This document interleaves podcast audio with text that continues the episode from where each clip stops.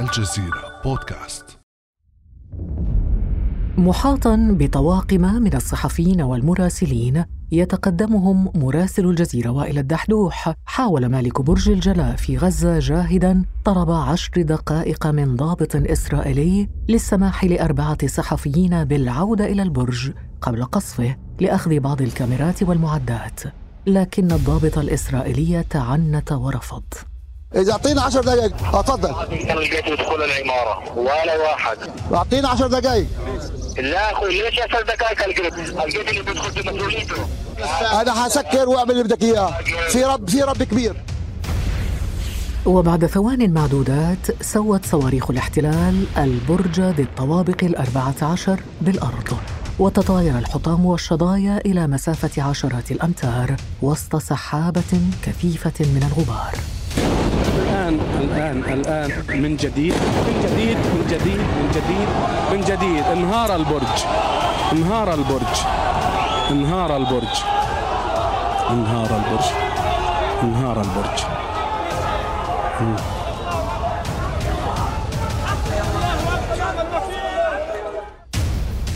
وبعد انقشاع الغبار عن البرج المنهار عاد الصحفيون إلى الميدان وظلت التغطية مستمرة. فما تداعيات هذا التصعيد الإسرائيلي الممنهج ضد الصحفيين والمقرات الإعلامية؟ ولماذا تحارب إسرائيل الصحفيين؟ وكيف يمكن محاسبة الاحتلال الإسرائيلي على هذه الانتهاكات والجرائم؟ بعد أمس من الجزيرة بودكاست أنا خديجة بن جنة.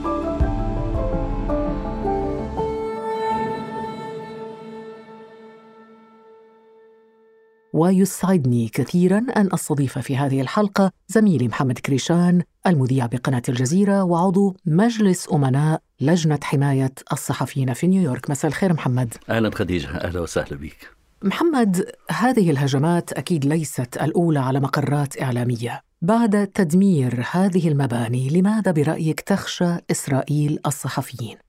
الحقيقة خديجة أي كائن قبيح لا يريد أن يرى شكله في المرآة.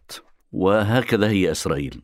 الحقيقة أنها تغتاظ جدا من أن ترى ممارساتها مفضوحة بشكل كبير على شاشات التلفزيون في العالم. صحيح أنها لا تهتم كثيرا ولكن عندما تتحول هذه الصور وتصبح أداة ضغط على الرأي العام في كثير من العواصم وتخرج مظاهرات مظاهرات آه، لندن بين 100 ألف و 150 ألف مظاهرات في أمستردام مظاهرات في برلين مظاهرات في باريس رغم محاولات قمعها غير المبررة. إذا أصبحت إسرائيل تعتقد بأن الضغط الإعلامي يحرك الرأي العام وهذا يزعجها بشكل كبير. وكأنك تقول أن الاحتلال الإسرائيلي يقول دعوني أقتل في صمت. بالضبط بالضبط.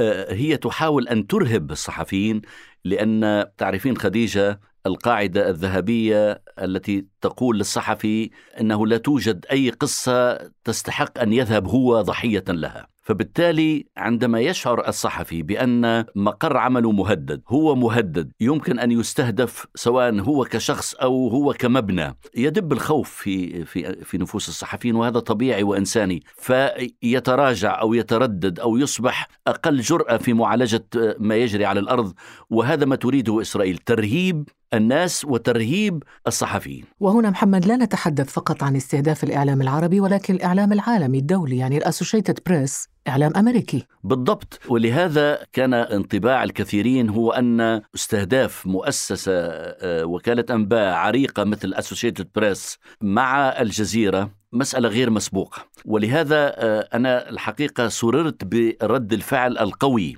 لأصوات أمريكية. اسوشيتد بريس آه، أدانت وقالت بأنها مصدومة، مصدومة لأنهم لم يكونوا يعتقدون بأنهم يمكن أن يستهدفوا، لجنة حماية الصحفيين وهي مؤسسة أمريكية آه، ولو كانت تهتم بالعالم. اعتبرت بأن ما تقوم به إسرائيل هو استهداف متعمد لوسائل الإعلام بغرض اخراسها وإسكاتها. فبالتالي إسرائيل لم تعد تقيم وزنا لوسائل الإعلام حتى وإن كانت أمريكية حتى وإن كانت أمريكية. هي بالنسبة إليها الكل نفس الشيء.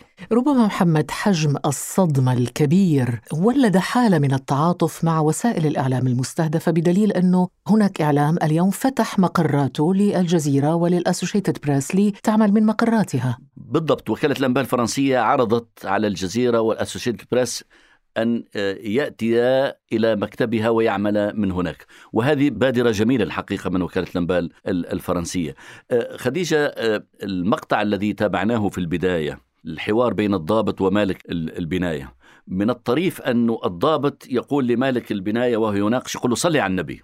فالفلسطيني مالك البناية يقول اللهم صل وسلم. يعني هذه من أطرف ما هناك في الحديث أن الضابط الإسرائيلي يقول لصاحب العمارة صلي على النبي. هو لو صلت إسرائيل على النبي ما كانت عملت اللي عملت كان ما كانت يحدث نعم ما كان يحدث ليحدث ما حدث. بالضبط بالضبط. طيب يؤثر برأيك محمد استهداف الصحفيين ومقرات عملهم يؤثر على العمل الصحفي في الميدان؟ هو يربكه بلا جدال.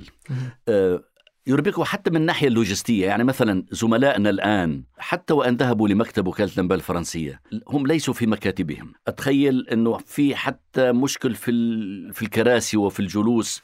لم يسمحوا لهم حتى بالعودة إلى المكتب لأخذ بعض ال- الكاميرات. يعني الآن مثلا لو مكتب غزة تنقصه بعض الكاميرات كيف سيمكن إدخال هذه الكاميرات؟ عبر معبر رفح إن شاء الله السلطات المصرية ت- تسهل هذا الأمر. عن طريق ال- المعبر الإسرائيلي لا سبيل إلى ذلك. فبالتالي من الناحيه اللوجستية الكاميرات ال- المونتاج ال- كثير من الأشياء سترتبك نعم ربما إضافة إلى ما قلته آه، محمد هناك أيضا أرشيف عمره 15 سنة أو أكثر من الوثائق من التقارير من الفيديوهات الذي كان موجود وطار ونسف مع صحيح صحيح البناية. صحيح صحيح.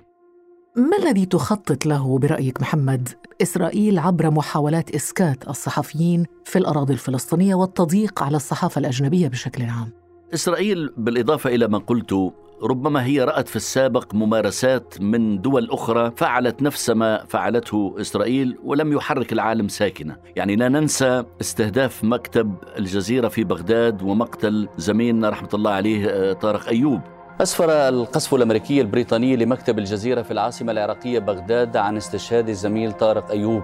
وكان الشهيد طارق انضم إلى فريق الجزيرة في بغداد قبل أيام من موقعه السابق على الحدود الأردنية العراقية. ويعمل الشهيد طارق أيوب ضمن فريق الجزيرة في العاصمة الأردنية عمان منذ عام 98 لا ننسى قبل ذلك استهداف وتدمير بالكامل من قبل السلطات الأمريكية والطيران الأمريكي لمكتبنا في كابول، دمر وسوي بالأرض، من حسن الصدف أنه لم يكن هناك أحد، ولكن أيضا حتى في أفغانستان الأرشيف ذهب والمعدات ذهبت، إسرائيل دولة تعتقد أنها فوق القانون الدولي وتعتقد أنها طالما هي محمية بالولايات المتحدة. وبكثير من الدول بشكل انتهازي حتى داخل الاتحاد الأوروبي، هي تعتقد بأنه بإمكانها أن تفعل ما تريد ولا أحد يحاسبها، أعتقد أن هذه المرة الأمر سيكون مختلف. تعقيبا على كلامك محمد في نفس هذا السياق شاهدنا بنيامين نتنياهو رئيس الوزراء الإسرائيلي الذي أمر بنسف برج الجلاء هو نفسه الذي كان يسير في مظاهرة في باريس عام 2015 للمطالبة بحماية الصحافة والصحفيين في أعقاب حادثة شارلي أبدو. رأيت الصورة الحقيقة وابتسمت لأن هذا يرتبط أيضا ليس فقط بالسلوك الإسرائيلي وإنما بالسلوك الفرنسي أيضا. كان محزنا وصادما. إذا كيف يمكن للسلطات في فرنسا أن تسوغ وتسوق أنها مدافعة عن حرية الصحافة في حين لا تترك الناس يتضامنون مع ما جرى للفلسطينيين ومن ضرب للإعلام؟ نتذكر ما جرى في شارلي إبدو وكيف كانت الحمية الدولية مع فرنسا وهذه المظاهرة التي أشرت إليها وشارك فيها ليس فقط نتنياهو رؤساء كثيرين من بينهم الرئيس الفلسطيني أيضا محمود عباس. هذا الحقيقة ما أصبح مثيرا للأعصاب. هذه الهبة للناس عندما يتعلق الأمر بغير العرب وغير المسلمين وهذه الحقيقة يعني مزعجة جدا. لو تحدثنا محمد عن آليات وطرق محاسبة الاحتلال والتصدي للإفلات من العقاب وهذا حال إسرائيل في كل مرة. الاتحاد الدولي للصحفيين قدم في شهر ديسمبر الماضي شكوى إلى مقرري الأمم المتحدة ضد الاستهداف الممنهج للصحفيين العاملين في فلسطين. وتعتبر هذه الشكاوى اعتداءات الاحتلال انتهاكا للحق في الحياة وانتهاكا لحرية التعبير. وانتهاكا للقانون الدولي وقد ترقى أيضا إلى جرائم حرب. برأيك محمد هل يمكن محاسبة إسرائيل؟ أعتقد المحاسبة ممكنة والحقيقة هذه المرة سواء الاتحاد الدولي للصحفيين سواء مراسلون بلا حدود سواء منظمة العفو الدولية سواء لجنة حماية الصحفيين كل المؤسسات والجمعيات والمنظمات الدولية الكبرى المعنية بحرية الصحافة والمعنية بحقوق الإنسان دعت إلى التحقيق. ومنظمة العفو الدولية قالت لابد من التحقيق باعتبارها جريمة حرب. ليست فقط جريمة حرب لأنها استهدفت مبنى مدنيا واستهدفت مدنيين وإنما أيضا استهدفت وسائل إعلام يفترض أنها بعيدة عن أن يتم إقحامها. والحقيقة أنا أيضا سعدت لأن الجزيرة شبكة الجزيرة في بيانها أكدت عزمها على المضي قدما في طلب تحقيق دولي وربما رفع القضية إلى المحاكم الدولية. لابد من إنهاء موضوع الإفلات من العقاب الذي أشرت إليه. عندما يصبح هذا الموضوع محل إجماع من منظمات دولية في ظل تراجع نسبي أقول تراجع نسبي في التأييد الأمريكي. انتبهي خديجة أنه حتى المواقف الأمريكية في الأيام الماضية أصبحت تتحدث عن الكرامة للفلسطينيين والإسرائيليين صيانة المدنيين الإسرائيليين والفلسطينيين بمعنى لم تعد مندفعة بالكامل أصبحت تلين. ولو أن هذا التليين تليين خفيف وفيه كثير من النفاق للأسف. لأنه مثلا تغريدة لجين ساكي المتحدثة باسم البيت الأبيض قالت تحدثنا مع رئيس الوزراء نتنياهو وأكدنا له أهمية حماية الصحافة والصحفيين. عندما تعود إلى هذه التغريدة تجد عليها تقريبا آلاف التعليقات وكلها وأغلبها لم أقل كلها من أمريكيين. مستائين؟ مستائين. يقولون هذا هذا كلام لا معنى له وأنت تجاملين الإسرائيليين فبالتالي يعني القصة لم تعد ممكنة في التجاوز كما كانت في السابق. أنت محمد كريشان كعضو مجلس أمناء لجنة حماية الصحفيين في نيويورك. ما هي الآليات التي ترونها مناسبة للصحفيين لحماية أنفسهم في مثل هذه الحالات؟ هناك طريقان خديجة. هناك طريق ميداني لوجستي. وهناك أكثر من دليل خصص للصحفيين أثناء تغطية النزاعات والحروب. أعدته آه، منظمة العفو الدولية لجنة حماية الصحفيين مراسلون بلا حدود الاتحاد الدولي للصحفيين. كيف يمكن للصحفي أن يكون في مأمن عند تغطية الحروب؟ وهذه تجري لها حتى دورات تدريبية على غاية من من الدقة ومن المهنية. هذا على الصعيد الميداني. على الصعيد القانوني لابد للصحفيين أن لا يلعبوا دور الضحية ويكتفون بالتنديد. لأن عندما نتحدث عن شكوى سترفعها شبكة الجزيرة وفي ظل الحماسة للذهاب إلى محكمة الجنايات الدولية أعتقد أن هذه مسألة يجب أن تكون محل تأييد كل الصحفيين. لأن عندما تضرب الأسوشيتد بريس ممكن المرة المقبلة وكالة الأنباء الفرنسية ممكن المرة المقبلة تلفزيون السي إن إن ممكن أي محطة أو أي وكالة أنباء. فلا يستطيع الصحفي أن يتجاهل هذا الأمر. حتى وأن تذرعت إسرائيل خديجة بأنه والله في البناية بعض المكاتب الإعلامية التي تشكل غطاء لنشاط غير قانوني لحماس بعض المنظمات قالت حتى لو كان هذا صحيحا فهو لا يبرر استهداف مبنى فيه وسائل إعلام بهذا الشكل. هل يخفف طبعا أنا أتحدث من زاوية قانونية في نظر القانون، هل يخفف كون إنه إسرائيل يعني انذرتهم من قبل بحوالي ساعة وأنه ليس هناك قتلى من الصحفيين، هل يخفف من وطأة ما حدث؟ هو لا يخفف اطلاقا لأن إسرائيل أرادت جريمة ولكن لا تريد كثير من الدماء ملتصقة بها. عندما ينهار هذا البرج وبه شقق سكنية وبه عيادات لأطباء وبه مكاتب لمحامين ووسائل إعلام هؤلاء كلهم أصبحوا بين عشية وضحاها في الشارع فإسرائيل لم تفعل ذلك من باب الإنسانية لم تفعل ذلك لأنه لو لم تفعله لانهار البرج وخرج ضحيته مثلا خمسون أو مئة بين أطفال وأطباء وصحفيين فتصبح الجريمة صارخة بطريقة رهيبة. هي أرادتها بأقل قدر ممكن من التكلفة بالنسبة إليها لكن بالنسبة لأصحابها هي تكلفة عالية في كل الأحوال. هناك سوابق محمد أنصف فيها الصحفيون أو يعني وسائل الإعلام في وجه من قصفهم على ما أذكر لا حتى أنه في كثير من التقارير لمنظمات حقوق الإنسان ومنظمات الدفاع عن الصحفيين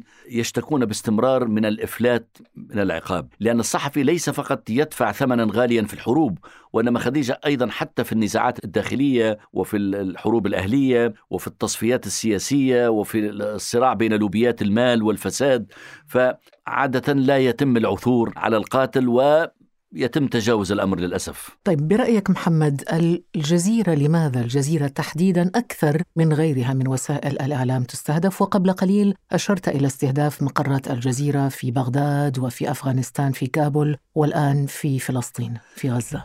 طبعا حديثي أنا عن الجزيرة قد لا يكون يعني شهادتي مجروحة بالطبع ولكن عندما تشاهد مدى مواكبة الجزيرة لما يجري ومدى مواكبة الناس لتغطية الجزيرة. شاشة تفتح سبع نوافذ وثمانية نوافذ في عسقلان وفي غزة وفي رام الله وفي القدس وفي الشيخ جراح وكذا وكذا. لأن الجزيرة بهذه التغطية خلقت رأيا عاما ضاغطا على العرب وعلى بقية الأطراف. الجزيرة مزعجة.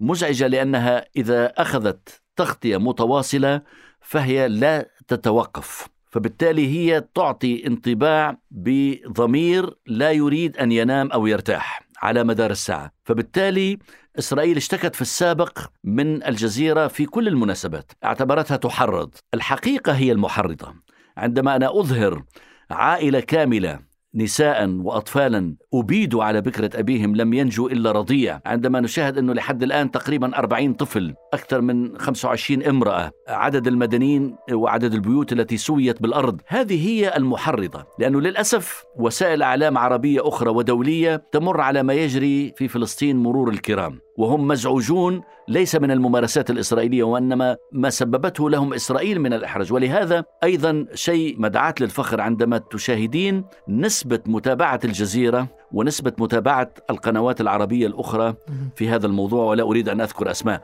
القصة لا تقارن على الإطلاق. رغم ذلك ستجد من يقول لك وهذا شيء مضحك أنه الجزيرة صهيونية طبعا طبعا. خلينا نضحك شوية لو أنه الوضع لا يسمح بالضحك. نعم.